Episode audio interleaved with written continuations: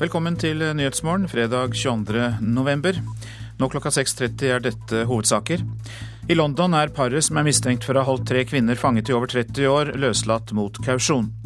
Tolv mennesker omkommet i Latvia etter at taket på et supermarked raste sammen. Politireform har gitt danskene et politi som er fjernere fra folket, mener tidligere fagforeningsleder. Politiet sentrerer seg i større utstrekning omkring de større byer. Og det vil si at hvis man kommer utenfor de større byer, så blir politidekningen den blir tynnere. Peter Ibsen, tidligere leder av politiets fagforening i Danmark. Og på dette, som kan bli Magnus Carlsens eh, triumfdag, får vi inn sjakkrapport fra India. Her i studio i dag, Øystein Heggen. Det britiske paret som har holdt tre kvinner fanget i en bolig i London i over 30 år, er løslatt mot kausjon mens etterforskningen pågår. Scotland Yard mener de står overfor en sak de aldri har opplevd maken til. Ropet om hjelp kom fra et helt alminnelig hus i en helt alminnelig gate i London. De tre desperate kvinnene slo alarm overfor en veldedig organisasjon. Men politiet brukte over en uke på å finne frem til adressen. Det som møtte dem der, var de ikke forberedt på. Vi har aldri sett noe lignende, at tre personer har blitt holdt fanget over tre årtier.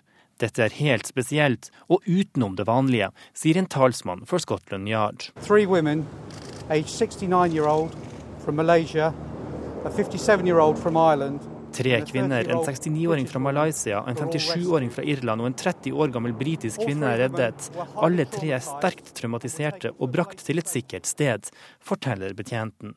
Den yngste har etter alt å dømme vært holdt fanget hele livet. Politiet pågrep i går to personer, en mann og en kvinne på 67 år, i det sørlige London. De er mistenkt for å ha holdt de tre kvinnene fanget i mer enn 30 år. Kvinnene skal ha blitt behandlet som slaver, de har angivelig bare hatt svært begrenset kontakt med verden utenfor boligen der de var sperret inne. Politiet har foreløpig ingen grunn til å tro at de skal ha blitt seksuelt misbrukt. Det mistenkte paret satt i går kveld i avhør. Politiet forsøker å finne ut om de står overfor en isolert sak, eller om paret kan være del av et større nettverk. I løpet av natten er det kommet frem at paret er løslatt mot kursjon inntil en dato i januar men etterforskningen pågår fortsatt. Det var organisasjonen Freedom Charity som hjalp kvinnene. Um,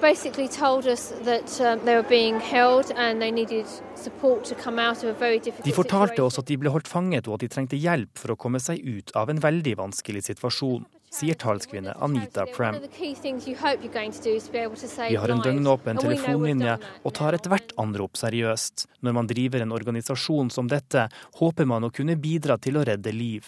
Og det vet vi at vi nå har gjort. Sa reporter Hans Christian Hansson. I Riga i Latvia har dødstallene steget til tolv mennesker etter at taket på et supermarked raste sammen. Minst 36 er skadd. Mange mennesker kan ligge innestengt i ruinene fortsatt. Det er foreløpig ikke kjent hvorfor taket raste sammen. Vitner har fortalt at de hørte en eksplosjon før det kollapset. Det er meldt eh, også at eh, bygningsarbeidere holdt på å anlegge en hage på taket av eh, dette supermarkedet i Latvia. Politireformen i Danmark har gitt danskene et politi som er fjernere fra folket, mener tidligere fagforeningsleder. Peter Ibsen var leder for Politiets fagforening i Danmark i en årrekke, og snakket i går til landsmøtet i Politiets Fellesforbund her i Norge. Ibsen mener en politireform var helt nødvendig i Danmark, men at eh, den har hatt alvorlige negative konsekvenser. Vi har fjernet oss fra befolkningen. Danskene gjennomførte sin politireform i 2007. De kutta tallet på politidistrikt fra 54 til 12. De fjerna kontor og tjenestesteder. Prosessen likner mye på det vi vurderer her i landet etter at politianalysen kom. Ibsen mener reformen har gitt en bedre beredskap og på mange måter et faglig sterkt politi.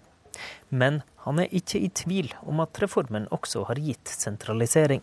Det vi har erfart, og det er selvfølgelig sterkt negativt, det er at øh, politiet sentrerer seg i større utstrekning omkring de større byer. Og det vil si at øh, hvis man kommer utenfor de større byer, så blir politidekningen den blir tynnere. og øh, mulighetene for å respondere øh, ude i øh, lokalområderne, altså ude i distrikterne, den er blitt mindre. Og det vil si at øh, befolkningen utenfor de større byer meget vel kan oppleve en ringere politidekning enn man hadde tidligere, da man, kun hadde, da man hadde sin egen lille politikrets. Og undersøkelser viser at tilliten til dansk politi går ned, sier han. Og det gør jo at den troverdighet som øh, politiet har, den er for nedadgående, og at befolkningens tillit til at politiet alltid er i stand til å løse sine oppgaver, den er også for nedadgående. Og det syns jeg er sterkt uheldig. Og du tror det er en følge av politireformen? Jamen, det er jeg ganske overbevist om. Han vil være forsiktig med å gi råd til norske politikere, men har likevel følgende refleksjon. Norge har en annen geografi enn øh, vi har i Danmark. Og derfor Norge er et betydelig større land med langt større avstander og måske øh, noe mer besværlig infrastruktur enn vi har i Danmark. Og derfor, øh, uten at jeg skal kloge meg på norske forhold, så tror jeg at øh, en lokal tilstedeværelse vil være enda mer påkrevet i Norge enn den er i Danmark. Tidligere fagforeningsleder for politiet i Danmark, Peter Ibsen, til reporter Håvard Grønli. Vi vender blikket nordover, for i dag møtes Finnmark og Murmansk fylke for å feire 25 års samarbeid. Vennskapsavtalen ble undertegnet på tampen av den kalde krigen. Og eh, utenriksmedarbeider Morten Jentoft, du arbeidet i Finnmark på den tida. Og Hva er bakgrunnen for den avtalen som blir feiret i Murmansk i dag? Den eh, Bakgrunnen er jo rett og slett at det lå også under den kalde krigen et uh, latent behov hos veldig mange på begge sider av grensen for å gjenopprette de historiske kontaktene som har vært mellom folk oppe i, i nord. Vi skal huske på at sovjetiske styrker frigjorde Finnmark under krigen.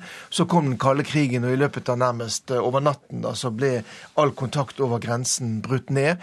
Eh, under den kalde krigen så var det ikke helt, et helt tett jernteppe oppe i nord. Det var bl.a.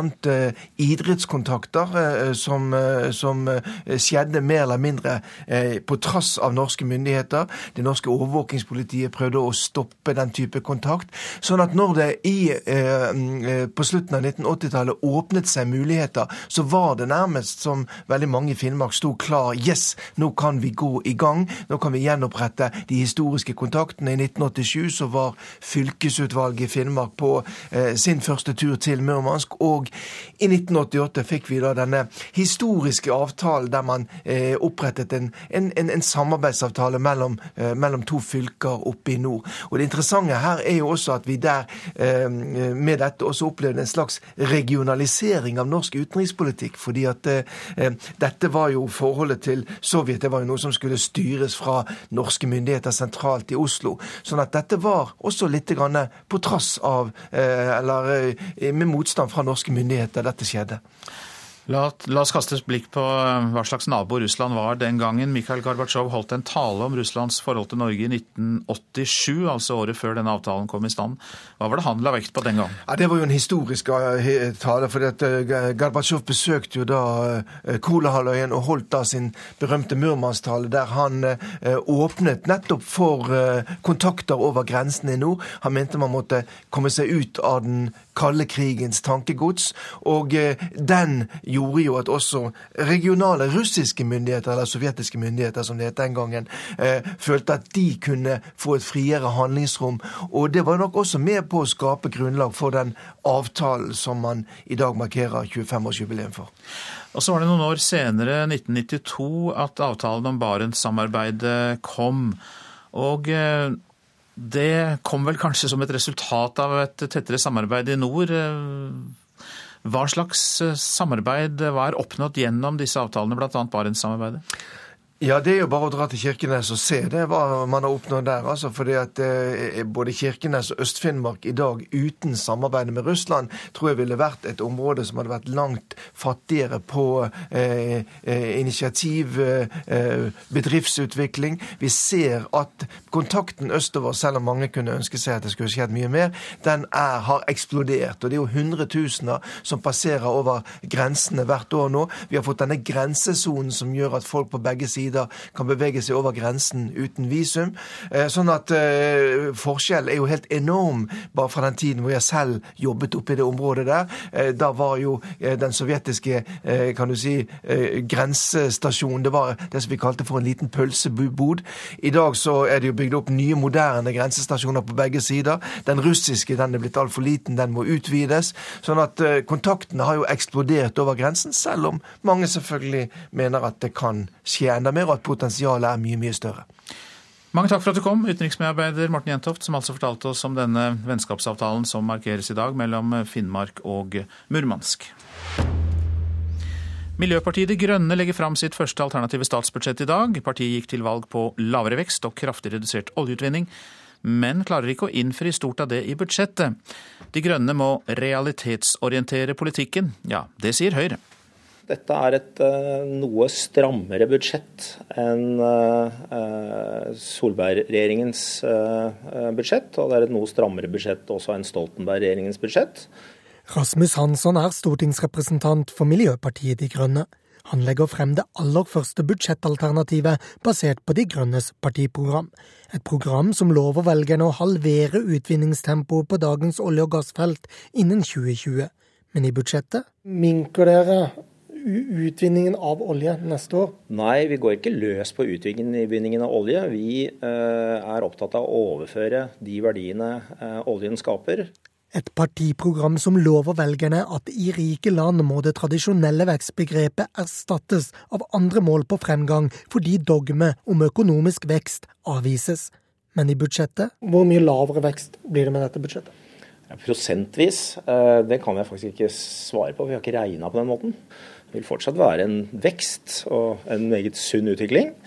Men vi ønsker å skape et økonomisk rom for utvikling av andre næringer enn oljenæringa. Miljøpartiet De Grønne må realitetsorientere seg, sier Høyres Svein Flåtten. Et moderne samfunn er avhengig av en jevn vekst, fordi at det legger grunnlaget for velferdssamfunnet. Og det er jo det velferdssamfunnet vi har i Norge. Det ønsker vi jo å fortsette med. Og da må man realitetsorientere seg på en helt annen måte enn det Miljøpartiet De Grønne nå gjør. Og når vi spør Rasmus Hansson Dere merker vel også at veksten i økonomien og de store overføringene fra oljerelatert virksomhet er noe som trengs for å finansiere et statsbudsjett? Norge har i dag en oljebasert økonomi, og ingen her i landet klager vel over at vi er rike. Det Miljøpartiet De Grønne gjør, er å starte overføringen av oljerikdommene til en investering i eh, det nye bærekraftige næringslivet som vi må leve av i framtida. Derfor foreslår partiet en ny handlingsregel på 3% kutt i statlige utgifter, kutt i privat forbruk, flytte store veibevilgninger til jernbanen, 4 milliarder til FNs klimafond og storsatsing på vindmøller til havs. Eh, Norge skal fortsette å være en energinasjon, og vi skal fortsette å være en høyteknologisk nasjon. Vi må utnytte de store fornybare ressursene vi har, og den største med størst potensial, det er havvind. Reporter her, det var Lars Nehru Sand. Så til det avisene skriver om. DNV-sjef Rune Bjerke ga egne barn puff inn i boligmarkedet, forteller han til Dagens Næringsliv. Banksjefen etterlyser tiltak for å gjøre det lettere for ungdom å skaffe egen bolig. Bjerke syns det er trist med sterkere klassedeling i boligmarkedet. Jo flere som overlever, jo mer penger får sykehusene. Aftenposten gjengir flere kvalitetsmål som skal være med å avgjøre hvor mye penger sykehusene skal få. Og et av dem er hvor mange pasienter som er i live etter fem år. Betanien-styret skjulte underslaget på 15 millioner i nesten ett år, skriver Bergens Tidende. Professor ved Handelshøyskolen mener handlingslammelsen i styret for sykehjemmet kan ha gjort saken verre for alle parter. Bystyrerepresentant Mari Holm Lønseth i Trondheim havnet på sykehus med blodpropp som 22-åring, skriver Adresseavisen. Hun krever nå større kunnskap om p-pillebruk, og frykter at helsesøstre skriver ut p-piller uten nødvendig kunnskap om risiko. Privatskoleelever fikk 5,2 i snittkarakter i matematikk, men da eksamen kom, stupte karakterene, skriver Nordlys. Ved toppidrettsgymnaset i Tromsø får elevene langt bedre standpunktkarakterer enn ved de offentlige skolene i byen. Arbeidsminister Robert Eriksson slakter avtalen om inkluderende arbeidsliv, skriver Dagsavisen. Frp-statsråden vil endre avtalen fordi den bommer på målene og innebærer for mye byråkrati. Europaminister Vidar Helgesen får sterk kritikk for sin EU-reise. Det er oppslaget i Klassekampen. Etter statsrådens redegjørelse om ostetollen sier KrF-leder Knut Arild Hareide at regjeringen er mer opptatt av å ha en god dialog med Brussel enn å forsvare norske interesser. Men til Nasjonen sier europaministeren selv at han ikke er skremt av motbør om ostetoll. Mulighetene for, eh, for at flertallet i Stortinget kan glippe i ostetollsaken, stopper ikke Vidar Helgesen. For Høyre-statsråden sier at regjeringen har et politisk utgangspunkt som ikke overrasker noen. Tre kvinner holdt fanger i 30 år. Dagbladet skriver om slavemarerittet i London. Og tenker som en datamaskin, det er VGs oppslag om Magnus Carlsen. Avisa gir oss statistikken som viser hvor suveren sjakkspilleren er. Nå skal vi markere en 20-årsdag og bli bedre kjent med Norsk ressursbank for demokrati og menneskerettigheter.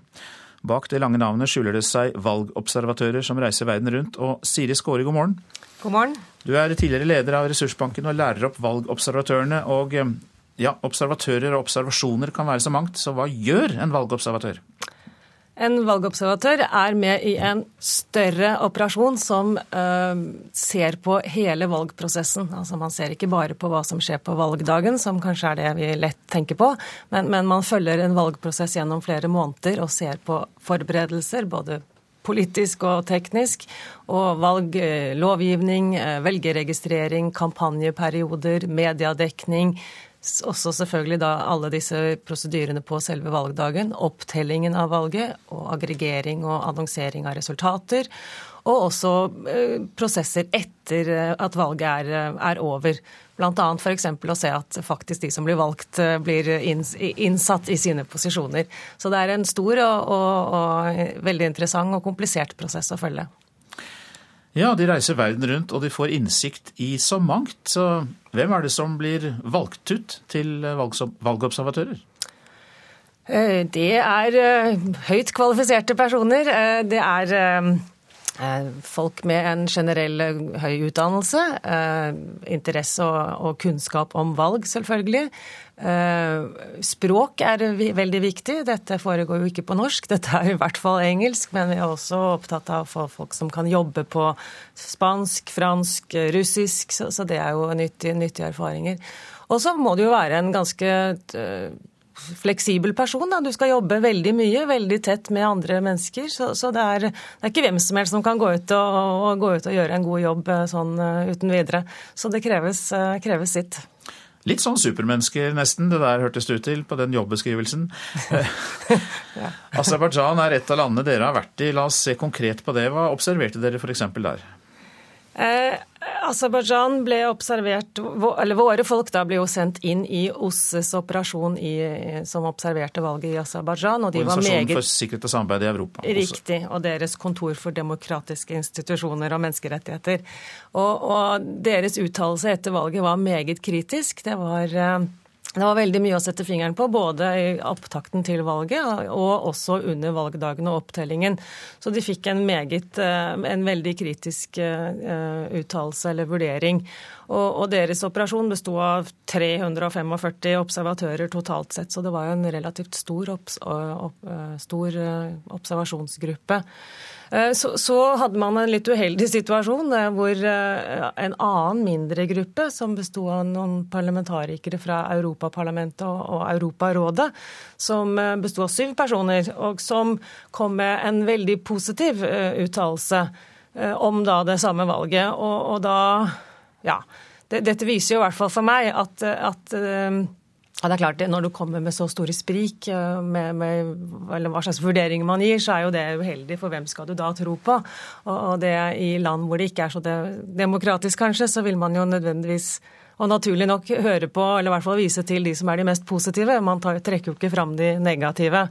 Så, så, dette viser for meg i hvert fall at, at uh, en solid eh, metode, systematisk tilnærming, etterbar, etterprøvbare funn er veldig veldig sentralt. Og, og jeg tror at uh, aserbajdsjanske folk fortjener bedre enn en, en, å få to såpass ulike vurderinger av samme valget. da.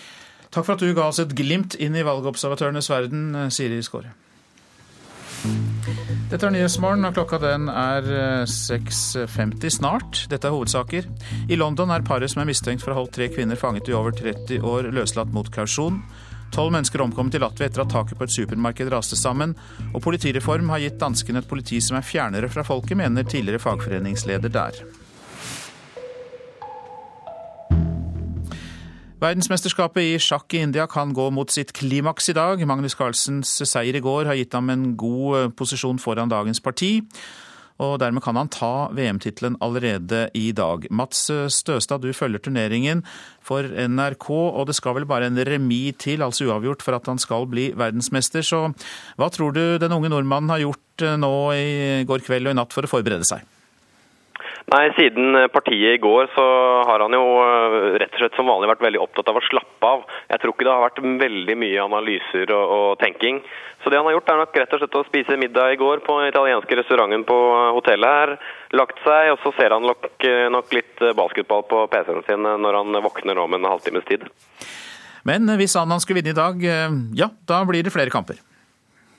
Ja, da blir det altså det som er status da, rett og slett at Anand må vinne både i dag og på søndag og det siste partiet på tirsdag.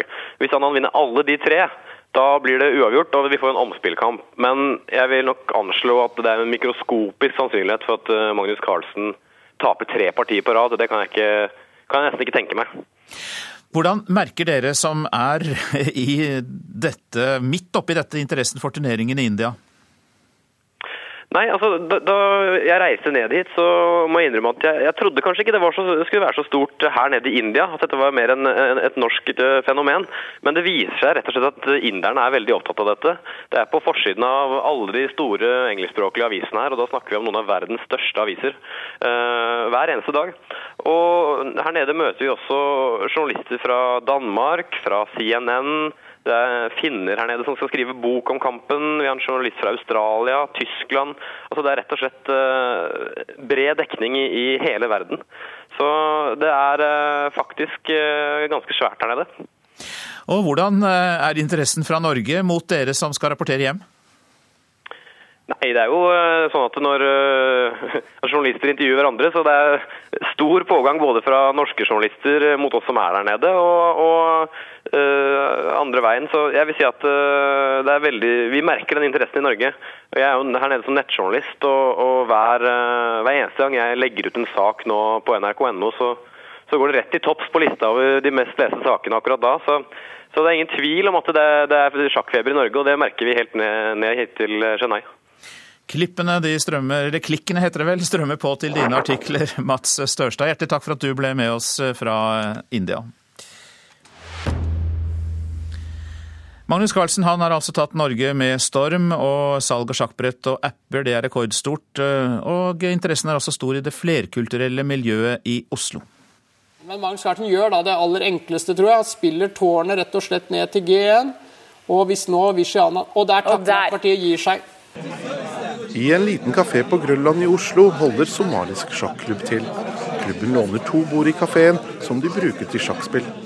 Nestleder i sjakklubben Mohammed Osman sier at de opprettet klubben for fire år siden, og da hadde de bare fem medlemmer. Men i år har interessen økt betraktelig. Det har vi nå mange, mange medlemmer. Ca. 40 medlemmer er vi nå. Så pga. sjakk-VM og ja. Magnus Carlsen, ja, så har dere fått flere folk? Ja, riktig. Det er det. det vi følger med sjakkspillet i India. India. Alle kom hit og ser på spilte sjakk Magnus Carlsen, og det var greit. Alle interesserer. Mohammed Osman forteller at mange har lært avanserte trekk av å følge sjakk-VM på TV. Det følger med i TV, og alle sier det spiller det veldig bra. Vi ser på Magnus, og de kom hit. Noen nytt folk kom hit også, og da ser på uh, det spillet. De har ikke mye kunnskap, de har ikke teori også, men nå de ser på TV med Magnus. Og de kom hit og ser se sjekkspillet. Så det interesserer. 24 år gamle Mohammed Salah er en av medlemmene, og han forteller at sjakk engasjerer brukerne av kafeen så mye at det ropes ut hva hans neste trekk bør være. Og det er ikke alltid heldig. Det er stille spill, men eh, spiller du her så faktisk Det kommer mye forslag. Er det mest irriterende eller eh, bra forslag? Når de sier til motstanderen din, så blir det irriterende. Når de sier til deg, så er det ikke så irriterende, egentlig. Reporter her, det var Fouad Ashiarki. Norge har aldri hatt så mange kunstnere. I dag er det over 22 000 malere, forfattere og andre kunstnere her til lands. Så Det du akkurat så var vitne til nå, var en video eh, som jeg gjorde, min første video. Masterstudent på Kunsthøgskolen i Oslo, Stein Are Kjærås Dahl, har akkurat vist fram en ny kunstvideo på skolegalleriet. Om ikke lenge er Dahl uteksaminert, og vil gå inn i statistikken over norske kunstnere. En statistikk med ei bratt oppoverpekende kurve.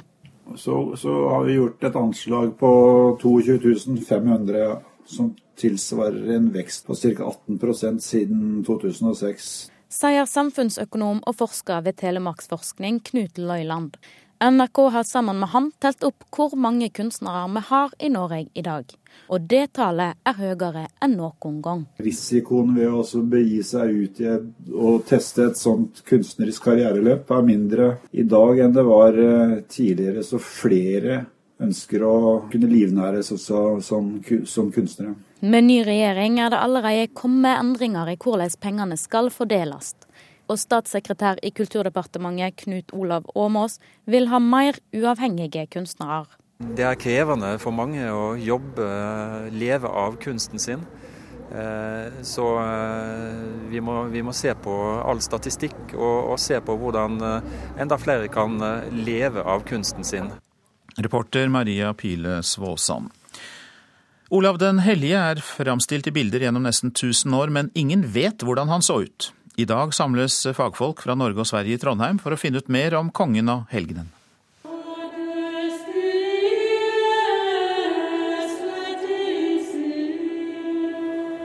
Ja, her ser vi det vi kaller Olavsfrontale. Øystein Ekroll, forsker i Nidaros domkirkes restaureringsarbeider, sitter på kne bak alteret i Nidarosdomen. Ekroll peker på maleriet som forteller om Olav den helliges siste døgn. Midt i bildet står en høyreist mann med skulderlangt hår. Ser vi jo Olav som helgen. altså Han har en, han har en glorie, og han er altså har krone, han er konge. Flere glassmaleri i Nidarosdomen viser Olav som helgen, men på utsida av katedralen på østfronten står en annen versjon av vikingkongen. Der er det ikke helgenen, men der er det krigerkongen. Han står med sin øks i handa, og under føttene tråkker han da på et eh, vesen som er en blanding av et dyr og et menneske. Norges største helgen er fremstilt i bilder gjennom nesten 1000 år på så mange ulike vis.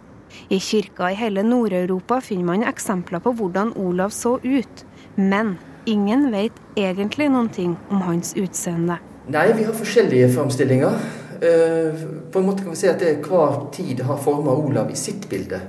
Men hvordan Olav egentlig så ut, det er vi faktisk usikre på. Det finnes motstridende forklaringer eller beskrivelser. Derfor samles fagfolk fra hele Norge og Sverige til seminar i dag. De ønsker å starte et internasjonalt forskningsprosjekt med å samle alle maleriene og skulpturene av Olav i en database, for så å kunne finne ut mer om den sagaomsuste helgenen. Ved å få lage en skikkelig analyse av disse, se etter felles trekk, etter et mønster i dette, så kan vi kanskje komme nærmere spørsmålet om hvordan Olav faktisk var, hvordan han så ut. Og hvis vi kan kombinere dette med arkeologiske undersøkelser, så er vi virkelig kommet et godt stykke på vei.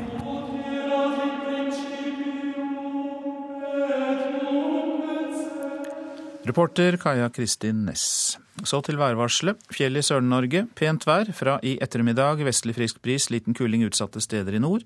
Litt snø i vestlige områder i fjellet. Nord for Finse ellers opphold. Østafjells får pent vær, noe mer skyet i ettermiddag. Rogaland nord for Stavanger spredte regnbyger, snø i høyden, ellers pent vær i Rogaland. Hordaland, Sogn og Fjordane og Møre og Romsdal. På kysten nord for Stad sterk kuling. I ettermiddag minker vinden. Det blir litt regn, snø i høyden. Så ser vi på Trøndelag. Sørvest sterk kuling på kysten. Seint i ettermiddag minkende. Først på dagen opphold sør for Trondheim, ellers litt regn. I indre strøk av Trøndelag eh, vestlig opp i liten kuling. Regnbyger, snøbyger i høyden. Nordland øking til sørvestlig sterk kuling utsatte steder. I formiddag og tidlig ettermiddag periodervis full storm ved Vestfjorden. Fra seint i ettermiddag vestlig liten kuling. Perioder med stiv kuling i nord. Sludd- og snøbyger på kysten og forbigående regnbyger i Nordland. Troms øking til sørlig sterk kuling utsatte steder. I formiddag periodevis liten storm på kysten. I ettermiddag dreier den vestlig. Sludd- og snøbyger i Troms. På kysten forbigående regnbyger. Kyst- og fjordstrøkene i Finnmark øking til sørlig stiv kuling utsatte steder. I ettermiddag dreiende sørvestlig med periodevis liten storm. Snøbyger vesentlig i vest. Finnmarksvidda fra i formiddag liten kuling og oppholdsvær. Og eh, så eh, rekker vi ikke alle temperaturene, men vi kan slå fast at det var minus 20 på Røros klokka fire i natt.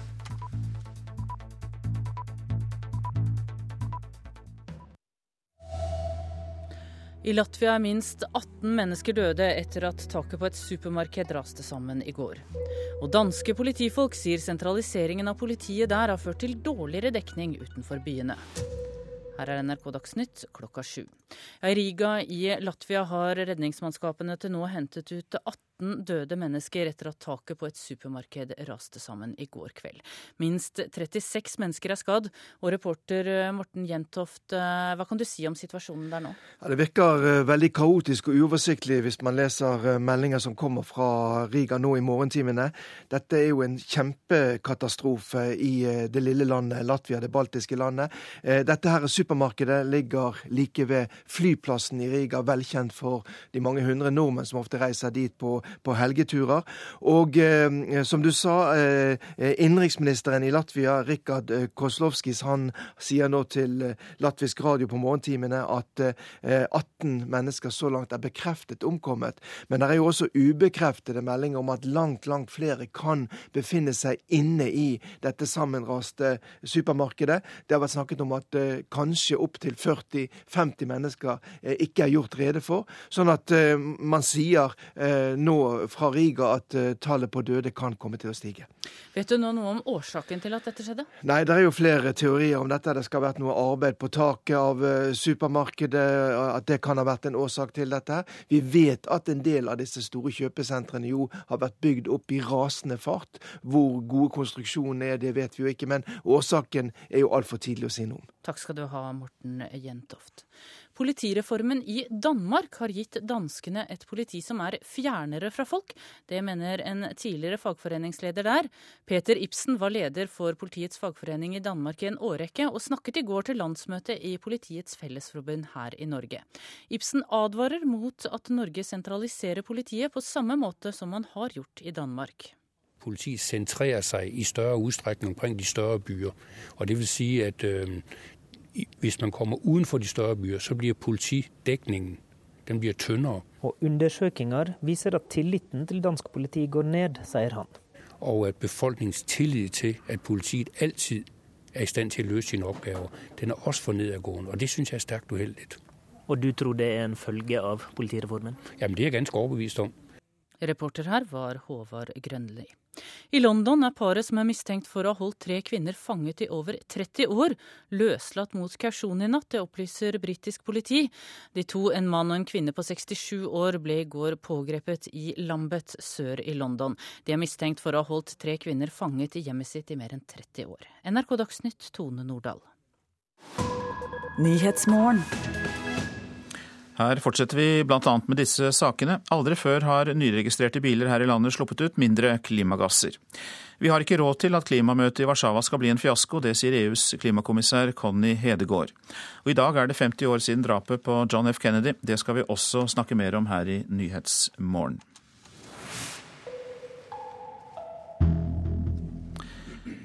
CO2-utslippene fra den eh, nye norske bilparken er eh, de laveste noensinne. Det viser tall fra Opplysningsrådet for veitrafikken.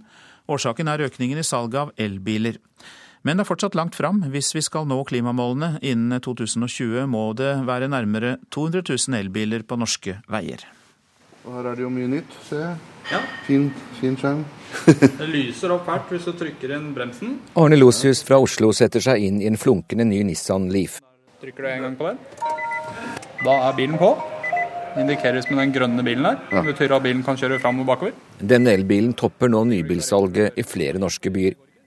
Og den bidrar sterkt til at CO2-utslippet fra nyregistrerte biler aldri har vært så lavt som det er nå. I september og oktober i år var gjennomsnittsutslippet for bilene som ble solgt disse månedene, 118 gram CO2 per kjørte kilometer. Tallet synker jevnt og trutt, men det er langt fram til målet. I 2020 skal det nemlig være nede på 85 gram for nybilene.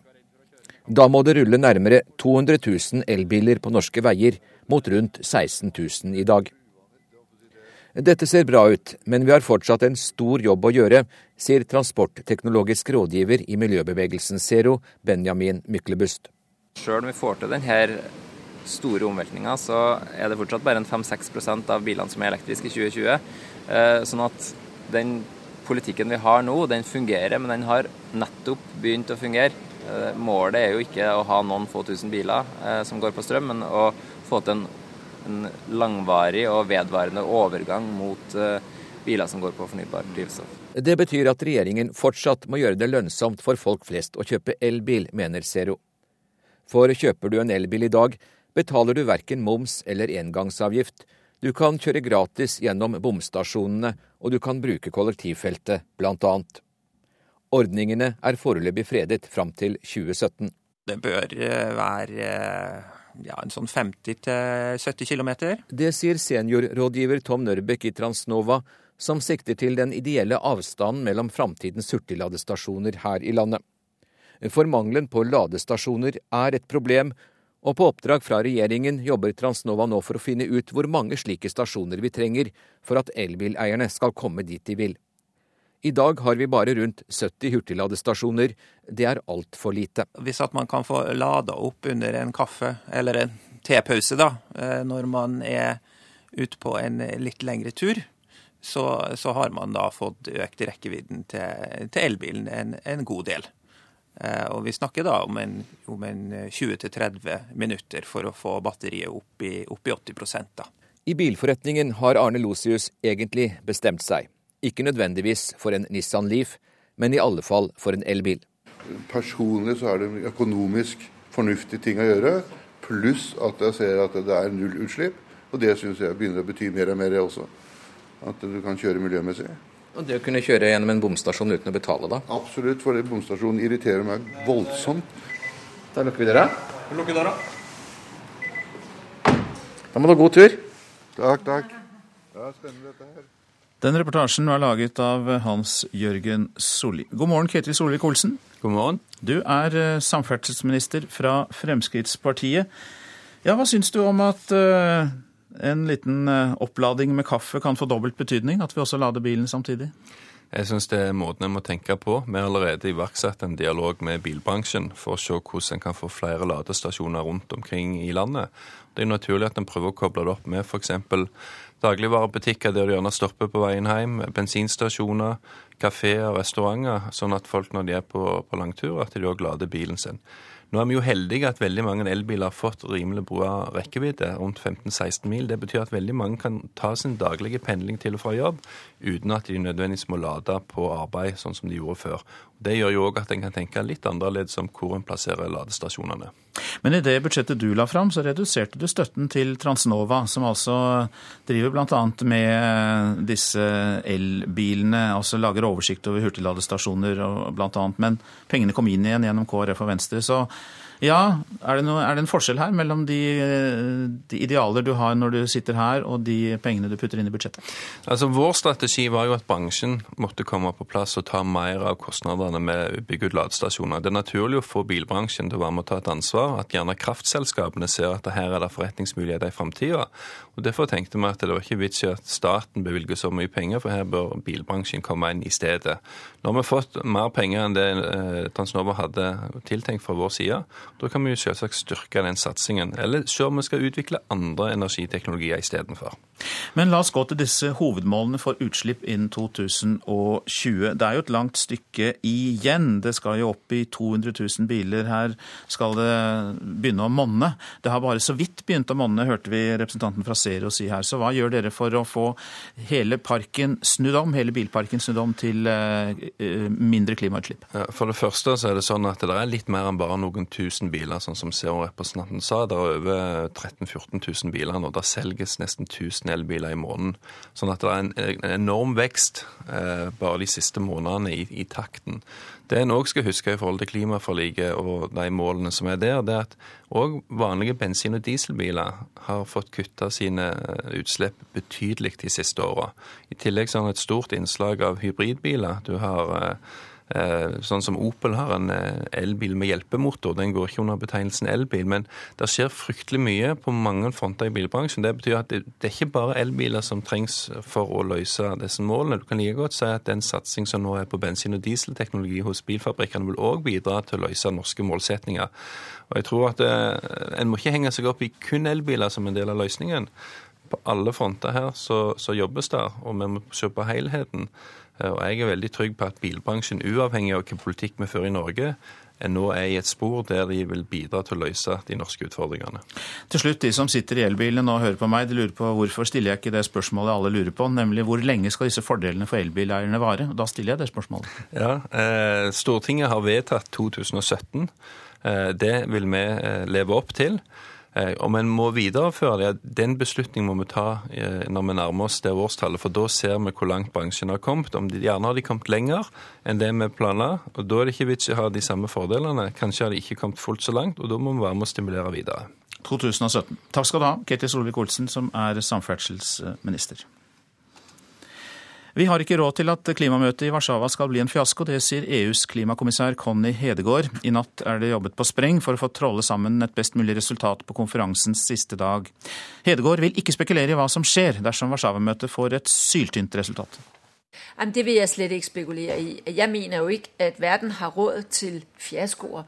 Og jeg mener det er helt uakseptabelt hvis all verdens regjeringer de sitter her i tolv dager mens i bokstaveligste forstand klimaforandringene sker om, om ørene på, på befolkningene, og så kan man ikke enes om noen relativt enkle ting. Mindre enn 24 timer før FNs klimakonferanse skal være slutt, er det hektisk aktivitet i møterom og korridorer her i Warszawa. Det er et enormt press på politikerne.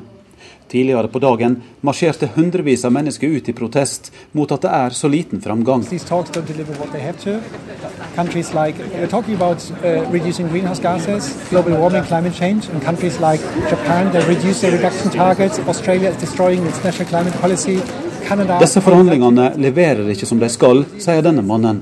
Vi ser at Japan, Australia, Canada og flere andre land reduserer sine ambisjoner. Uh, we're leaving because we feel like the negotiations are going backwards rather than forwards. And uh, we would like to see some action here. Det går mer bakover enn framover. Vi vil se konkret handling.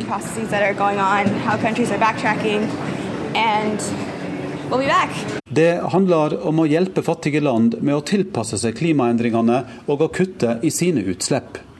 Og om å legge grunnlaget for en ny internasjonal klimaavtale som skal være klar i 2015. EUs klimakommissær er klar på hva hun forventer seg før konferansen her i Warszawa er over. Det skal være en klar tidsplan for hvem skal gjøre hva og enes om hva frem mot Paris, og hvem skal forberede altså Alle skal forberede hva de har tenkt seg å gjøre.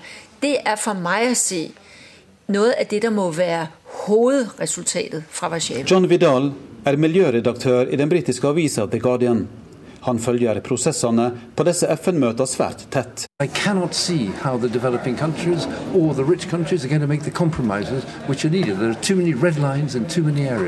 kan ikke se hvordan utviklingslandene og de rike landene skal kunne få dette til.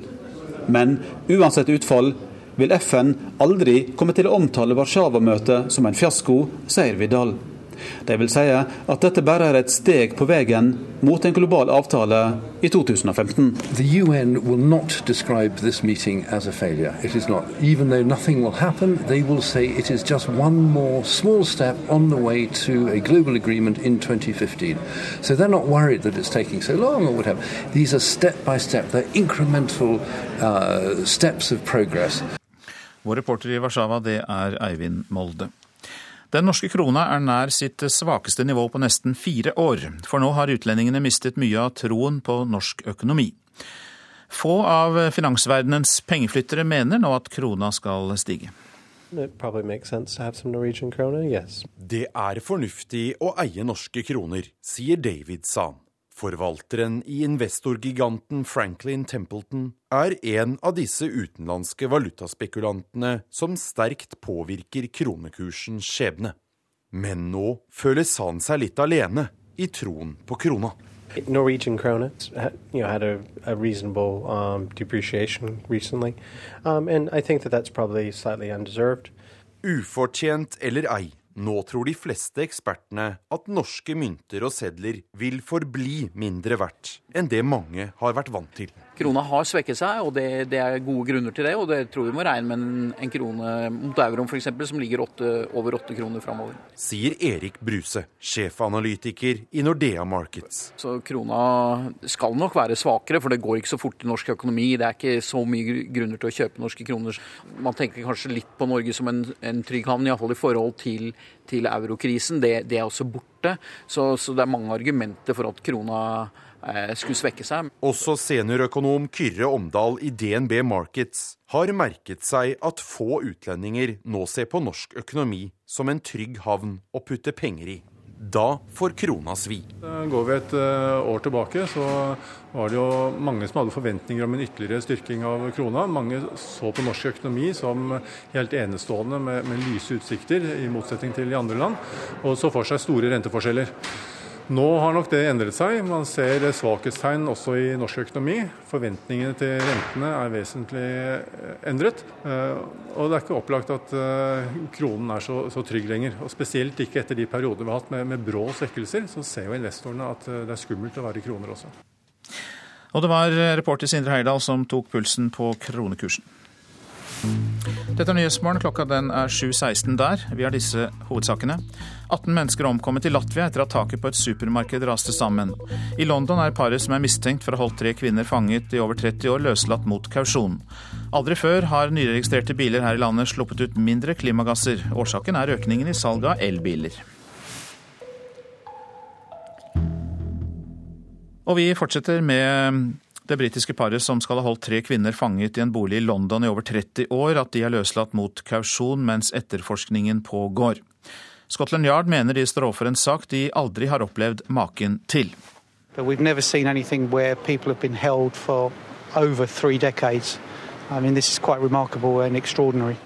En talsmann for London-politiet der. Utenriksmedarbeider Hans Christian Hansson. Ja, Hvorfor ble de to løslatt? Det er foreløpig ikke kommet fram veldig masse informasjon om bakgrunnen for at dette paret på 67 år, begge er altså 67, har blitt løslatt. Denne informasjonen har nådd oss i løpet av de siste timene, og politiet har ennå ikke kommentert bakgrunnen for dette skrittet. Hva skjer videre? Det som nå skjer videre, er at dette paret i alle fall vil være løslatt fram til januar. Eh, Politiet har nå poengtert at noe de vil eh, forsøke å belyse, er hvorvidt dette er en isolert handling, eller om parets virksomhet kan være del av et internasjonalt nettverk. Som vi jo hørte fra denne talsmannen for Scotland Yard, står man jo overfor en sak man aldri har opplevd maken til, i alle fall ikke i Storbritannia. Vet vi noe om eh, hvilke forhold de tre kvinnene har levd under? Altså De har levd eh, der da i 30 år? Ja, det er jo et uh, særdeles langt tidsrom det er snakk om her. En av disse kvinnene skal jo sannsynligvis ha blitt holdt i fangenskap hele livet. Eh, politiet holder foreløpig kortene tett til brystet når det gjelder hva slags forhold eh, de har hatt i denne boligen eh, i London der de har blitt holdt. Årsaken til det er sannsynligvis at etterforskninga fortsatt pågår, og at man avventer en rettssak. De skal ha fått se på TV innimellom.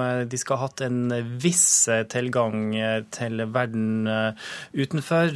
Det var jo på denne måten at de da fikk kjennskap til denne organisasjonen eh, som de brukte for å få slått alarm om, eh, om, eh, om situasjonen sin. Ja, Så den ble rullet opp fordi de nærmest fikk et glimt av en organisasjon som kunne hjelpe dem? Ja, de skal ha sett et TV-program tidligere i høst der de da fikk kjennskap til en organisasjon som de da håpa at kanskje kunne bidra til at eh, de kom seg ut i frihet. Og det var jo det da som skjedde etter hvert. De ringte en person som jobba for denne organisasjonen, og hun kontakta da politiet.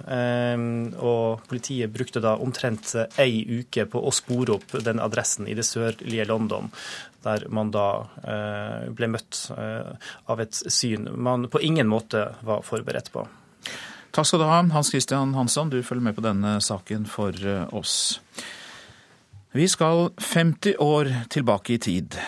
Dette ble rapportert i NRK nøyaktig 50 år siden.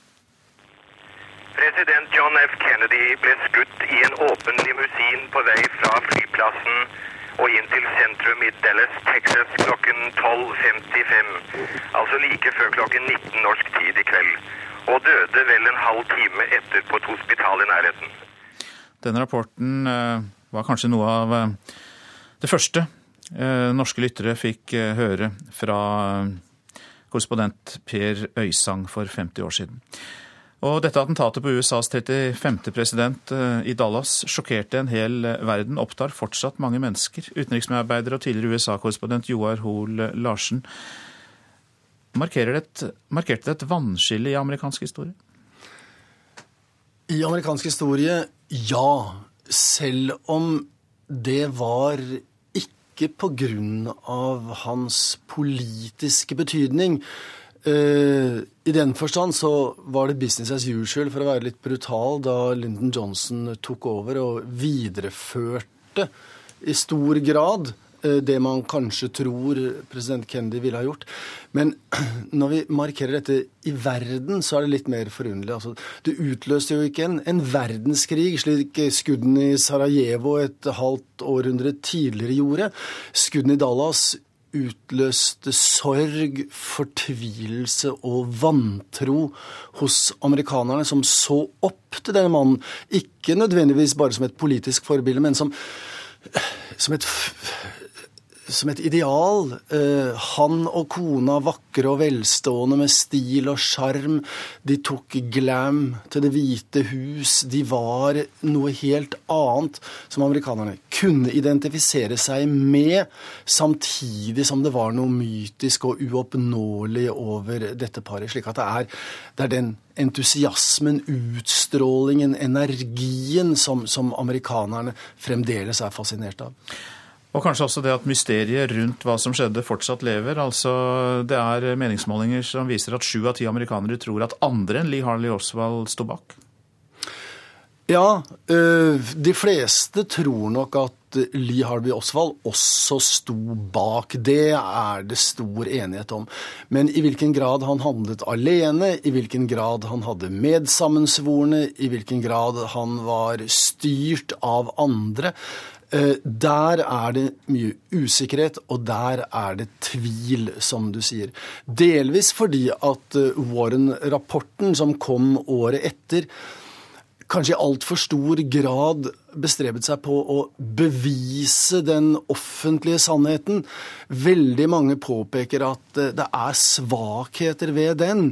Og det er blitt påvist i ettertid også at det var svakheter ved den. Slik at Warren-kommisjonen bidro faktisk til at konspirasjonsteoriene eh, ble lansert, og at tvilen var sådd.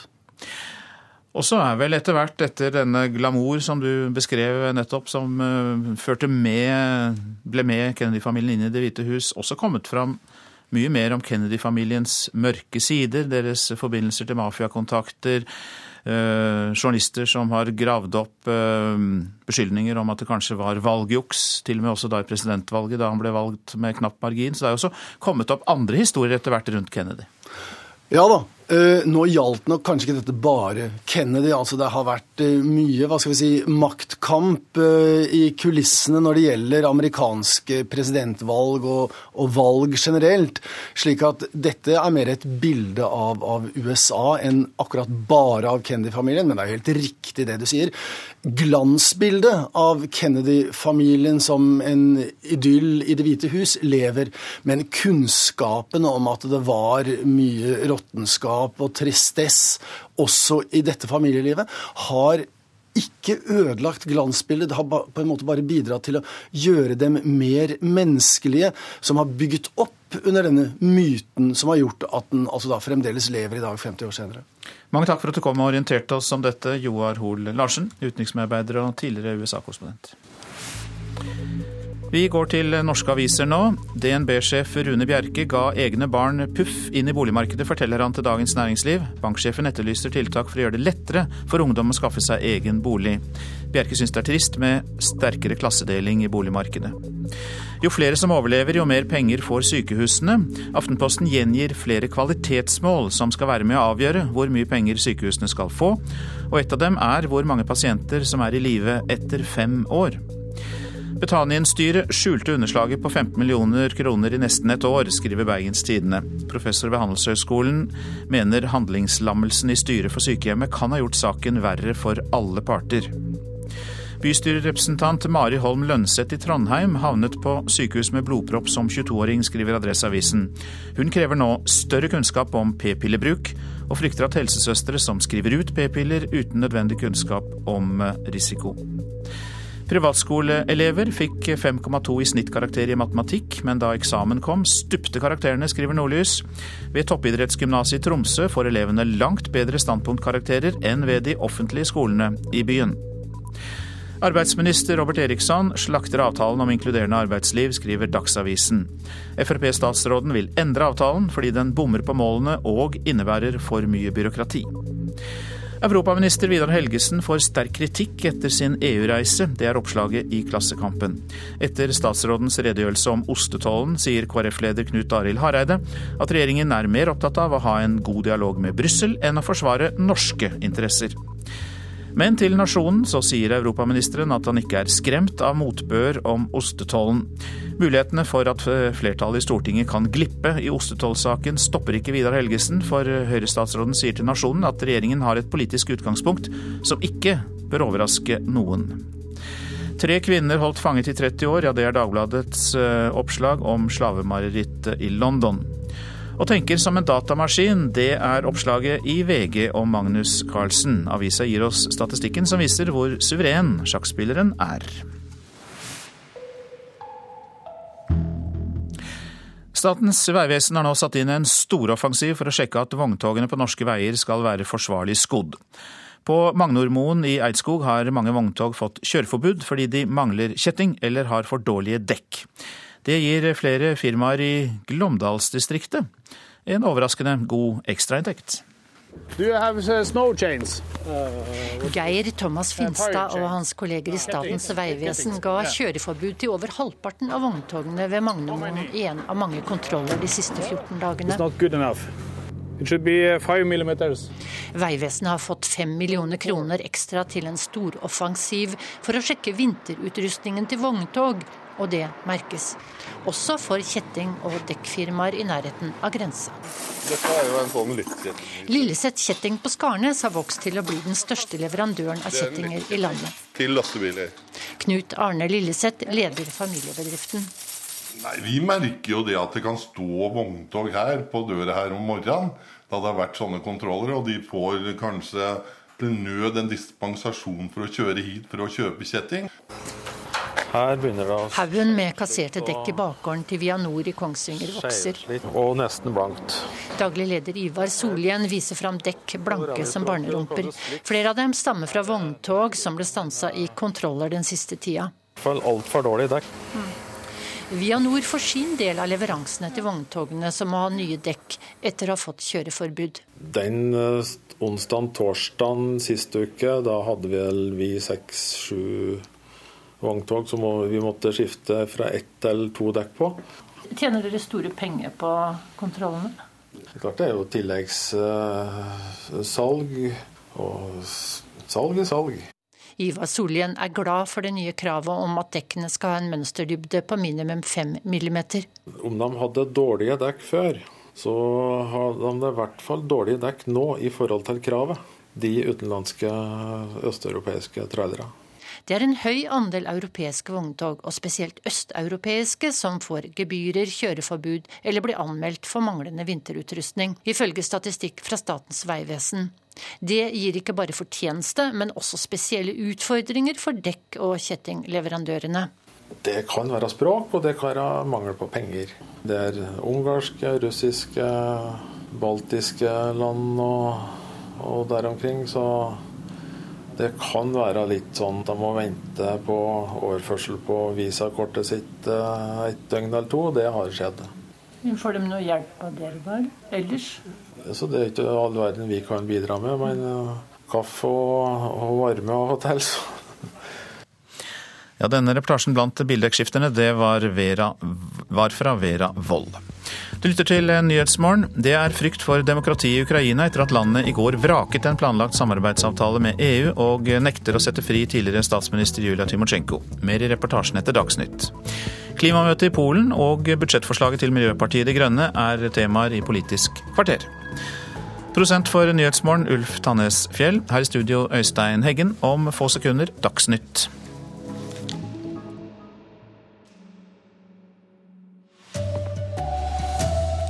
Redningsmannskaper i Latvia leter etter overlevende. Minst 18 mennesker har mistet livet etter at taket på et supermarked raste sammen. Danske politifolk sier sentralisering av politiet der har ført til dårligere dekning utenfor byene. Og spenningen stiger i India. I dag kan Magnus Carlsen bli verdensmester i sjakk. Her er NRK Dagsnytt, klokka er 7.30. Ja, først til Latvia. Der er altså 18 døde nå hentet ut av ruinene etter at taket på et supermarked raste sammen i går kveld. Minst 36 er skadd, og redningsarbeidet er vanskelig. Møysommelig løftes de enorme betongblokkene bort, i håp om å finne flere overlevende inne i det sammenraste kjøpesenteret. Men foreløpig er det dødstallene som stiger. Redningsmannskapet jobber på spreng, men arbeidet er utfordrende. Et feilsteg, og en eventuelt overlevende i ruinene kan bli drept. Situasjonen kan forandre seg hele tiden, siden vi ennå jobber inne. Det faller deler fremdeles, noe som gjør arbeidet svært vanskelig. Sier Normund Plegermanis, som leder redningsarbeidet. Flere brannmenn er blitt skadd under redningsarbeidet, truffet av fallende takrester. Og for to av dem sto ikke livet til å redde. Det sa reporter Charlotte Bergløft. Ja, reporter Morten Jentoft, vet redningsmannskapene nå hvor mange mennesker som var inne i bygget? Nei, Meldingene fra Riga nå på morgentiden er veldig uklare. Altså, eh, Selve taket skal også ha rast ned eh, i kasseområdet da, på supermarkedet, som gjør jo at vi kan eh, dessverre vente oss langt høyere dødstall enn det som er kommet fram så langt. Det har vært snakket om at så mange som 30-40 mennesker fremdeles da ligger under ruinene på dette kjøpesenteret her. Og Vi får jo også nå etter hvert litt mer detaljer om det som skjedde i går kveld. Det hadde gått en alarm på kjøpesenteret. Eh, noe hadde rast ned. Eh, så gikk redningsmannskaper inn, og så raste det da ytterligere ned deler av taket, som gjorde denne katastrofen enda større enn det den var opprinnelig.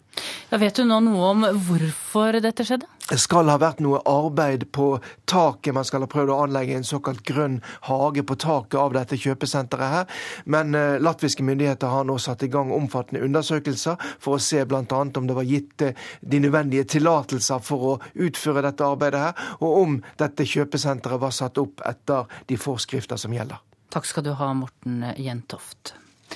Verden har ikke råd til at klimamøtet i Warszawa blir en fiasko. Det sier EUs klimakommissær Conny Hedegaard. I natt ble det jobbet på spreng for å komme frem til et best mulig resultat på konferansens siste dag. Jeg mener det er helt uakseptabelt hvis all verdens regjeringer sitter her i tolv dager mens i bogstaveligste forstand klimaforandringene skjer, om, om ørene på, på befolkningene. Mindre enn 24 timer før FNs klimakonferanse skal være slutt, er det hektisk aktivitet i møterom og korridorer her i Warszawa. Disse forhandlingene leverer ikke som de skal, sier denne mannen. Vi ser at Japan, Australia, Canada og flere andre land reduserer sine ambisjoner. Det handler om å hjelpe fattige land med å tilpasse seg klimaendringene og å kutte i sine utslipp. Og om å legge grunnlaget for en ny internasjonal klimaavtale som skal være klar i 2015. John Vidal er miljøredaktør i den britiske avisa The Guardian. Jeg kan ikke se hvordan utviklingslandene og de rike landene skal kunne få dette til. Men uansett utfall vil FN aldri komme til å omtale Warszawa-møtet som en fiasko, sier Vidal. Det sa vår reporter i Warszawa, Eivind Molde. Og CO2-utslippene fra den norske nybilparken er de laveste noensinne. Det viser tall fra Opplysningsrådet for veitrafikken. Årsaken er rekordstort elbilsalg. Men det er fortsatt langt igjen hvis Norge skal nå klimamålene. Innen 2020 må det være nærmere 200 000 elbiler på norske veier. Trykker du en gang på den? Da er bilen på. Dette er lyden av en Nissan Leaf, den elektriske bilen som er blitt en bestselger her i landet. Arne Losius fra Oslo vurderer å kjøpe en.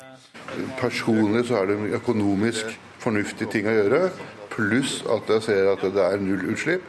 Han er ikke den eneste som vurderer en elbil. Det norske elbilmarkedet er i ferd med å ta helt av, og det er godt for miljøet. For CO2-utslippet fra nyregistrerte biler har aldri vært så lavt som det er nå.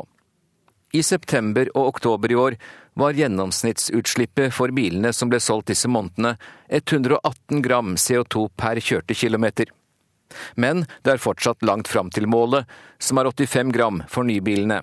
Det skal være nådd i 2020. Sjøl om vi får til denne store omveltninga, så er det fortsatt bare en 5-6% av bilene som er elektriske i 2020. Det sier transportteknologisk rådgiver i miljøbevegelsen Zero, Benjamin Myklebust.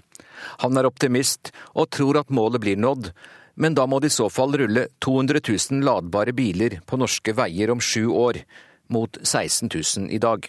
Den politikken vi har nå, den fungerer, men den har nettopp begynt å fungere. Foreløpig er alle de økonomiske fordelene elbileierne har i dag, fredet fram til 2017, men Zero mener at de må videreføres. Samtidig er Transnova, som jobber for miljøvennlige transportløsninger, i gang med å finne ut hvor mange hurtigladestasjoner vi trenger for å legge forholdene enda bedre til rette for elbileierne. Avstanden mellom disse bør være kort, sier seniorrådgiver Tom Nørbekk. Ja, En sånn 50-70 km. Reporter i dette innslaget var Hans Jørgen Solli. I London er paret som skal ha holdt tre kvinner fanget, løslatt mot kausjon i natt. Kvinnene skal ha vært holdt som slaver i 30 år, og Scotland Yard etterforsker saken. Det mistenkte paret satt i går kveld i avhør. Politiet forsøker å finne ut om de står overfor en isolert sak, eller om paret kan være del av et større nettverk. I løpet av natten er det kommet frem at paret er løslatt mot kursjon inntil en dato i januar, men etterforskningen pågår fortsatt. Det sa reporter Hans Christian Hansson.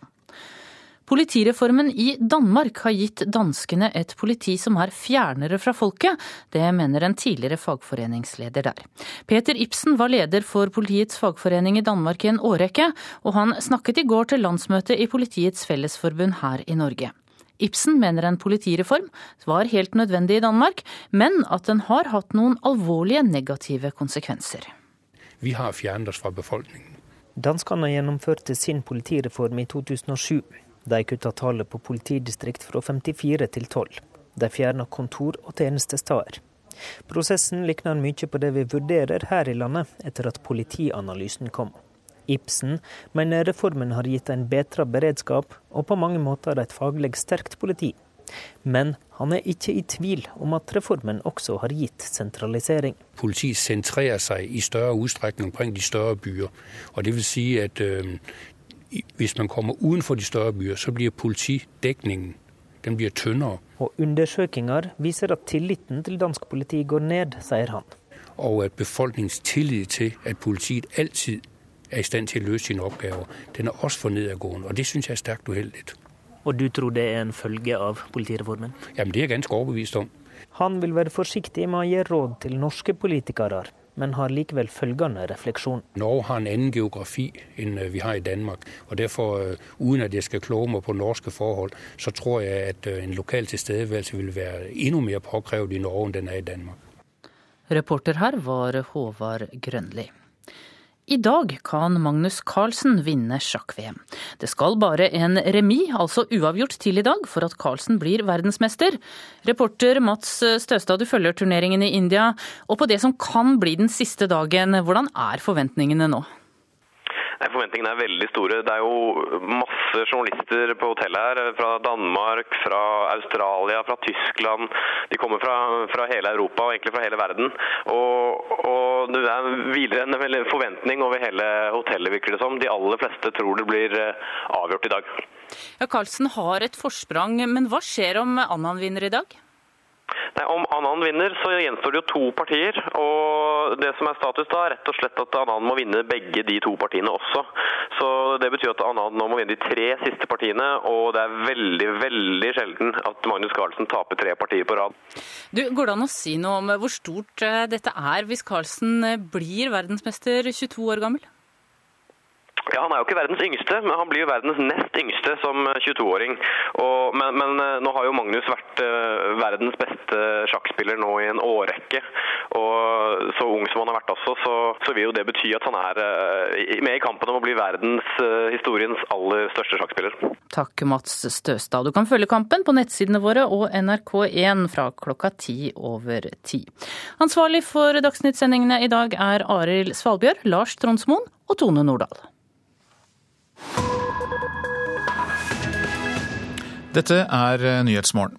Når regjeringen i Ukraina nå vraker en planlagt samarbeidsavtale med EU, frykter eksperter et tilbakeslag for demokratiet i landet, forteller reporter Hans Christian Hansson i denne reportasjen. Я звертаюся до вас щойно, отримавши інформацію Jeg snakker til dere, for jeg har akkurat fått melding om at president Janukovitsj har beordret at jeg skal arresteres, sa Julia Timosjenko i en fjernsynstale til den ukrainske befolkningen i 2011. Opposisjonslederen følte seg forfulgt, og hevdet at hele saken mot henne var politisk motivert. Samme høst ble hun dømt til sju års fengsel for påstått maktmisbruk i forbindelse med en gasskontrakt som ble inngått mellom Ukraina og Russland i 2009. Dommen er anket, men den videre behandlingen har blitt utsatt gang på gang. Isteden har myndighetene iverksatt flere andre straffesaker mot henne, bl.a. en sak om skatteunndragelse. I tillegg har hun fått status som mistenkt i en drapssak.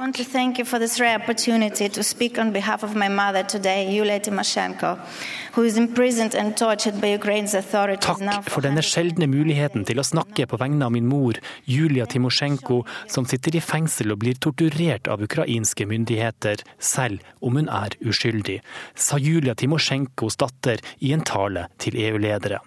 Den europeiske menneskerettighetsdomstolen fordømmer Ukrainas behandling av Timosjenko. Hun holdes fengslet uten lov og rett, mener de. Kritikken mot soningsforholdene har vært hard, særlig fordi Timosjenko sliter med en sjelden rygglidelse som krever spesialbehandling. Tyske leger kan hjelpe henne, men dit får hun ikke lov å reise. Julia Timosjenko er en av lederne for oransjerevolusjonen i Ukraina i 2004, og ble deretter statsminister. Hun tapte mot Viktor Janukovitsj i presidentvalget i 2010. Hun står for en provestlig politikk, samtidig som EU og Russland kjemper om Europas østkant. Velger Ukraina å gå for et tettere samarbeid med EU, frykter regjeringen i Kiev sanksjoner fra russerne, og det tar de ikke sjansen på.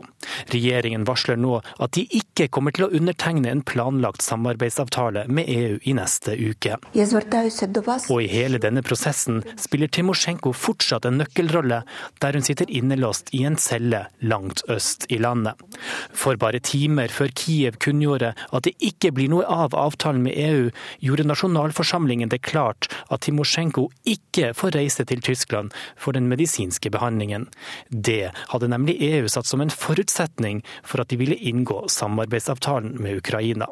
Det er definitivt politikk på høyt plan. Sier seniorforsker og ekspert på Russland og Øst-Europa Jakob Kotsimirski ved Norsk utenrikspolitisk institutt. Det dreier seg i stor grad om en slags konkurranse mellom EU på den ene siden og Russland på den andre siden. Arnfinn Nordbø er prosjektleder i Norsk-ukrainsk handelskammer. Han er ikke begeistret for nyhetene fra Kiev. Det er jo et slag for demokratiet i Ukraina på kort sier Nordbø, og viser til meningsmålinger som tyder på at et flertall av ukrainerne ikke støtter retningen dagens regjering går i. Så Ukraina vil jo heller ha integrering, frihandels- og assosieringsavtale med EU enn med Russland. Prosjektlederen mener Russland har utsatt Ukraina for et sterkt press, særlig innen energifeltet.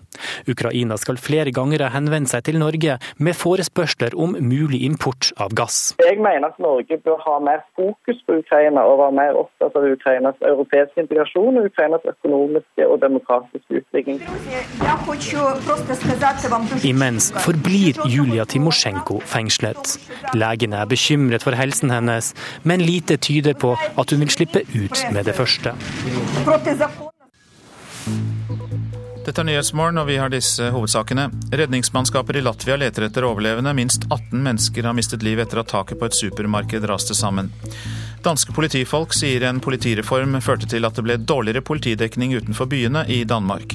Og paret som er mistenkt for å ha holdt tre kvinner fanget i London i 30 år, er løslatt mot kausjon. Og så til deg, programleder i Politisk kvarter, Bjørn Bø. Det blir klimamøte i Polen som blir tema hos deg. Blir det fiasko? Slik mange spår.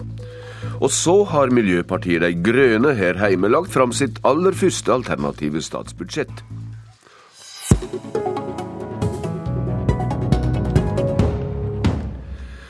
På FNs klimakonferanse i Warszawa marsjerte i går ei rad frivillige organisasjoner ut av hele greia. Under høye rop, må en si, om at de ansvarlige politikerne må gjøre mer håndfast for å nærme seg en ny internasjonal klimaavtale i 2015. Det er sterke motseiinger som bremser konferansen. I dag er det siste dag, og miljø- og klimaminister Tine Sundtoft i Warszawa, hva konkret kan du melde om at kommer ut av konferansen? Det jeg kan melde nå i dag, at det er to viktige spørsmål Hallo? som gjenstår. Det ene er på langsiktig finansiering. Hallo? Ja, Ja, jeg hører deg. velkommen. Du kan snakke, jeg hører deg nå. Det var bare et lite hull her. Nei, Når vi nå går inn i det siste døgnet, så er det to krevende spørsmål som gjenstår. Det ene er på tap og skade. Der sonderes det nå over et kompromiss som blir presentert i formiddag. Og vi får en ministerdialog på overtid på det temaet. Det andre er på langsiktig finansiering. Det å få bygd opp det grønne klimafondet fra 2020. Det er også en vanskelig sak. Det er også forventa at det blir en ministerdialog på det i løpet av dagen. Du har hatt til oppgave å skape tillit mellom rike og fattige land. Det er kanskje ikke så lett å være isbryter, som du er kalla?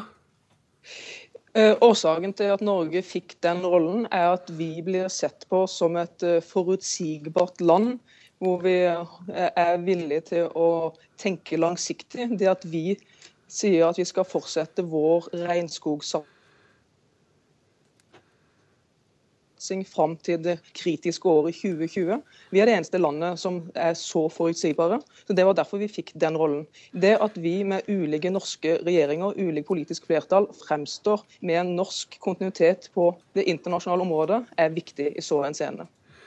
Heikki Eidsvoll Holmås, du er talsmann for SV og har vært i Warszawa, men er nå her i studio. Hva er ditt inntrykk av hvorfor det går så smått fram på FN-møtet?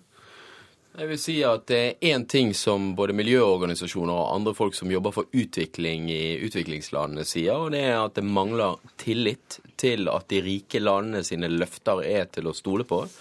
En av tingene som skjedde rett før klimakonferansen nå, var jo at både Australia, som etter valget dramatisk la, opp, la om klimapolitikken sin, fjerner, legger an til å fjerne det som finnes av klimaskatter. Japan, som hadde lovet en stor, stort kutt på omtrent 25% sa rett før klimakonferansen at de istedenfor kom til å gå fra de løftene og øke utslippene sine. De har vel litt problem med kraftomlegging etter atomkraftverkkatastrofer? Ja da, det har de. og Og, men du har også Canada, som er i en situasjon der de, der de, ikke ønsker å være med på å følge opp det som tidligere er gitt av klimaforpliktelser. Mm. Og da er, det, da er det fryktelig vanskelig å bygge en tillit som er basert på at de rike landene faktisk kommer til å gjøre jobben som de har lovet å gjøre, med å redusere mm. sine utslipp. Det er altså snakk om tillit, sier eh, Heikki Eidsvoll Holmås, eh, Tine Sundtoft i Warszawa. Eh, er det slik at det er kortsiktige økonomiske interesser rett og slett som slår ut viljen til innsats mot utslipp og klimaendringer? Det er det man kan frykte, at noen land nå pga. egne interne økonomiske utfordringer da ikke stiller opp på den måten som er forventa. Det er derfor jeg sier vår rolle i dette er at vi forutsigbare også gjennom regjeringsskifter, er veldig viktig. Vi ser at andre land er ikke tilsvarende forutsigbare på dette, og det er en utfordring her. Derfor er vår rolle viktig, at vi også snakker med de landene som ikke er så forutsigbare som Norge er i dette spørsmålet.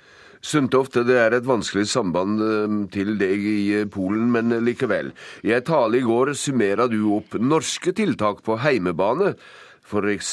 ren teknologiutvikling, grønnere samferdsel og grønne skatter.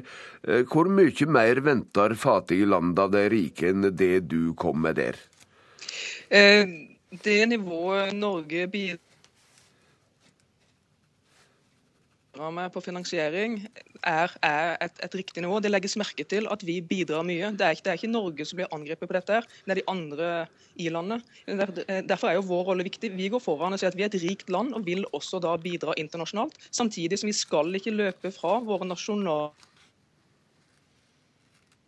forpliktelser og å endre samfunnet til et lavutslippssamfunn. Derfor sier vi at vi skal bruke oljeformuen nå til å endre gjennom miljøteknologi, gjennom infrastruktur og det vi kaller vekstfremmende mm. skattelettelser. Det er den endringen vi nå har signalisert i vår politikk. Ja, Eidsvoll Holmås, det er vel ikke grunn til å si at Norge ikke gjør så godt det kan i klimatingene? Det er ikke noe grunn til å si at det som handler om eh, klimafinansiering, at vi er dårlige der. Og der er jo jeg eh, veldig glad for at regjeringen har eh, videreført den satsingen som vi har sagt skal være der, på i hvert fall 3 milliarder kroner i, i året til, til, til skogivaretakelse.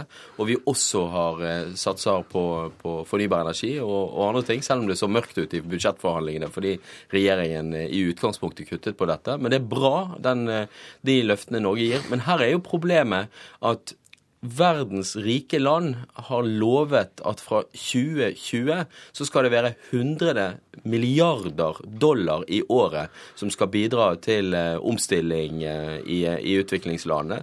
Men de rike landene er altså ikke villige til å være med på en opptrappingsplan. Og du kan jo si at eh, når igjen land som Canada velger å si at de kommer til å kutte sine bevilgninger neste år, så er jo løftene fra rike land om at en eller annen gang i fremtiden så skal det komme veldig mye penger for oss, det er veldig veldig hule når du ikke er villig til å være med på en opptrappingsplan. Mm.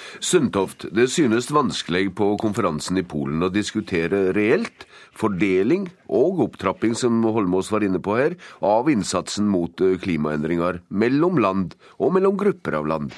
Hvorfor er det slik? Nei, det, er vanskelige vanskelig tema det nå med langsiktig lansering. og Det, er derfor også at, at, vi fikk den rollen å prøve å bryte isen ved å eh, et rikt land må ta ansvar ved å bruke penger på det grønne klimafondet. Det vi også sier at Skal vi ha sjanse til å få gjort noe, så må vi få et privat-offentlig samarbeid på plass.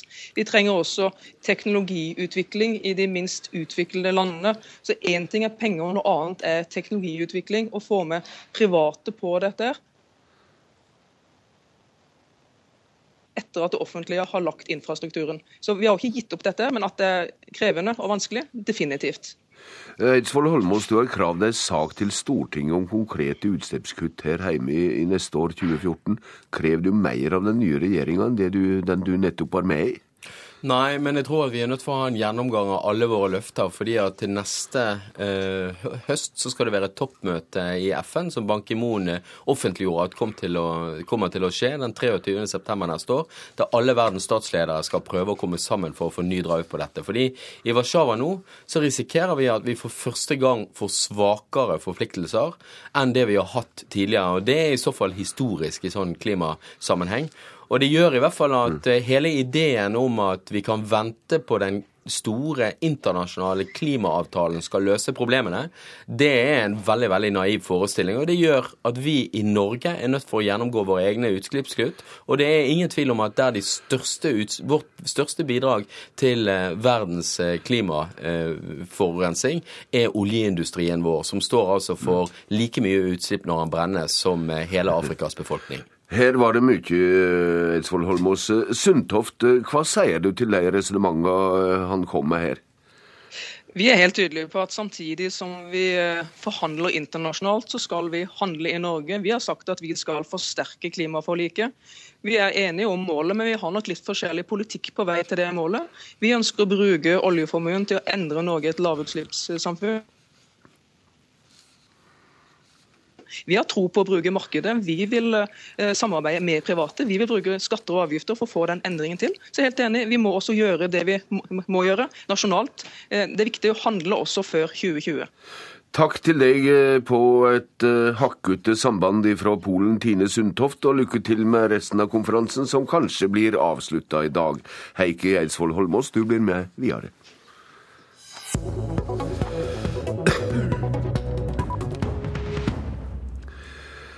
I går gjorde Miljøpartiet De Grønne ferdig sitt aller første utkast til alternative statsbudsjett i Stortinget. Ti milliarder færre oljekroner i bruk enn Solberg-regjeringa, én milliard kroner i skattelette for fornybart næringsliv og to milliarder kroner i året til utvikling av utnytting av havvind. Stortingsrepresentant Rasmus Hansson, dette er kanskje ikke så revolusjonært grønnfarga at det gjev svar på de klimaproblemene i verden vi nett snakka om? Nei, men det er da heller ikke hele budsjettet vårt du uh, ramset opp.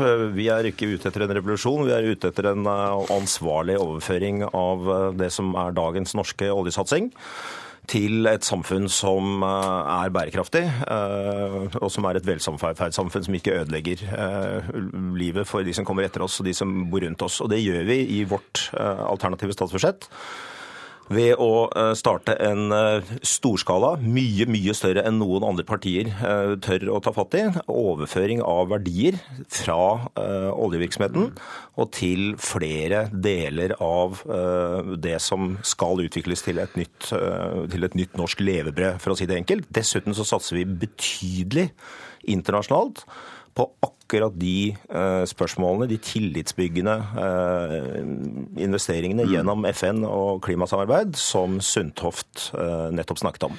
Partiprogrammet deres varsler en helt ny tenkemåte om hvor den begynner i tenkinga omkring økonomi og miljø. Men dette de legger fram her, kan synes å være flikking innenfor de hovedsatsingene regjeringa sjøl driver med?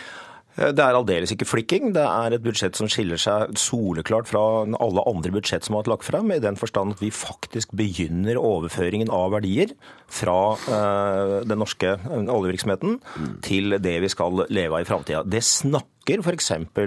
Tine Sundtofts blå regjering om å gjøre, men de gjør det i mikroskopisk grad.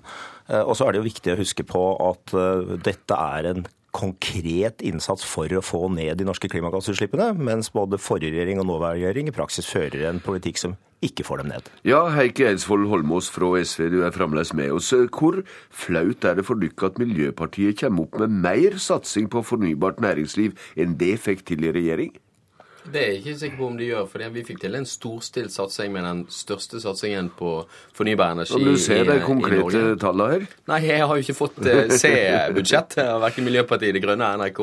Så det er veldig vanskelig for meg å kommentere det, det konkrete. Men jeg vil jo si at jeg syns det er veldig bra at eh, det fremmes altså sånn type konkret eh, politikk, som jeg er helt sikker på at når vi går gjennom Miljøpartiet De Grønnes budsjett, så ligger det veldig mye der som eh, vi er dundrende enig i. Fordi mm. vi vet at vi er nødt for å gjennomføre det grønne skiftet. Vi vet at halvparten av, av verdens olje er nødt for å bli liggende for at vi skal ha muligheten til å nå det målet om to grader i verden. Og da holder det ikke at oljeindustrien og regjeringen lar være å forholde seg til dette, mm. istedenfor å starte den omstillingen. Og det, den, den, omstillingen har vi begynt, bl.a. gjennom at CO2-utslippene fra norsk side er gått ned i løpet av den perioden vi har sittet i. Eh, kan det hende at Miljøpartiets eh, budsjettering eh, omkring disse tingene kan være vel så god som dere regner? Det er igjen helt umulig for meg Bjørn Bø, å si, siden jeg ikke har fått se budsjettet. Men, men, jeg, du, du men vi skal selvfølgelig så, sette oss inn i dette og, og, se ordentlig på dette. Og jeg syns at alle forslag, alle forslag som, som, kommer og som handler om miljø, og hvordan vi kan starte den omstillingen, er gode. Og vi har sjøl fremmet en del som også Miljøpartiet De Grønne har vært positive til. Eh, Hansson, du hører ei åpen holdning fra en mann her som ikke kan så mye om dine detaljer i budsjettet. Men hvordan tenker du deg med de ene enmannsgruppe i Stortinget å få gjennomslag for budsjetttankene? Ja, eh, vår oppgave er jo i første omgang å sette uh, ting på dagsordenen og vise at det innenfor rammen av en ansvarlig, uh, ikke minst økonomisk ansvarlig budsjettenking, så går det an å være mye mer offensiv for å for det første skape en ny norske læringslivet, og for det andre ta mer klimaansvar enn det tradisjonelle budsjetter gjør. Jeg er rimelig trygg på at både SV og mange andre partier kommer til å ha betydelig sympati for det vi gjør, og så er det en del partier som sitter fast i litt tradisjonell tenking. Men det Miljøpartiet De Grønne i første gang kommer til å få til på Stortinget, det er jo nettopp å sette en ny tenking på dagsordenen. Vise at det går an å budsjettere annerledes enn det den, den tradisjonelle budsjettenkinga i Norge har forholdt seg til. Mm. Og Eidsvoll Holmås, kanskje SV også er fri nå til å tenke litt annerledes enn da det satt i regjering om disse tinga? Jeg mener vi har vært gode til å klare å dra eh, lasset i riktig retning. Vi ser det både i det som er hovedtrumfkortet til, eh, til høyreregjeringen nå, når de er i, i, klimaforhandlingene. Det er nettopp den regnskogsatsingen som vi fikk til å trappe opp i løpet av de årene som, som har vært. Men det er ingen tvil om at vi trenger en drastisk omlegging i mer miljøvennlig retning, der vi hjelper folk å velge de miljøvennlige alternativene. Satser på kollektiv, satser på eh, miljøvennlige biler. Satser på at eh, folk skal kunne alle sammen være med på å ta den klimadugnaden som vi vet er nødvendig. Nå får vi se hva gjennomslag det har i Miljøpartiet og i SV når budsjettpolitikken blir utforma de næreste åra. Politisk kvarter er slutt. Jeg heter Bjørn Bø.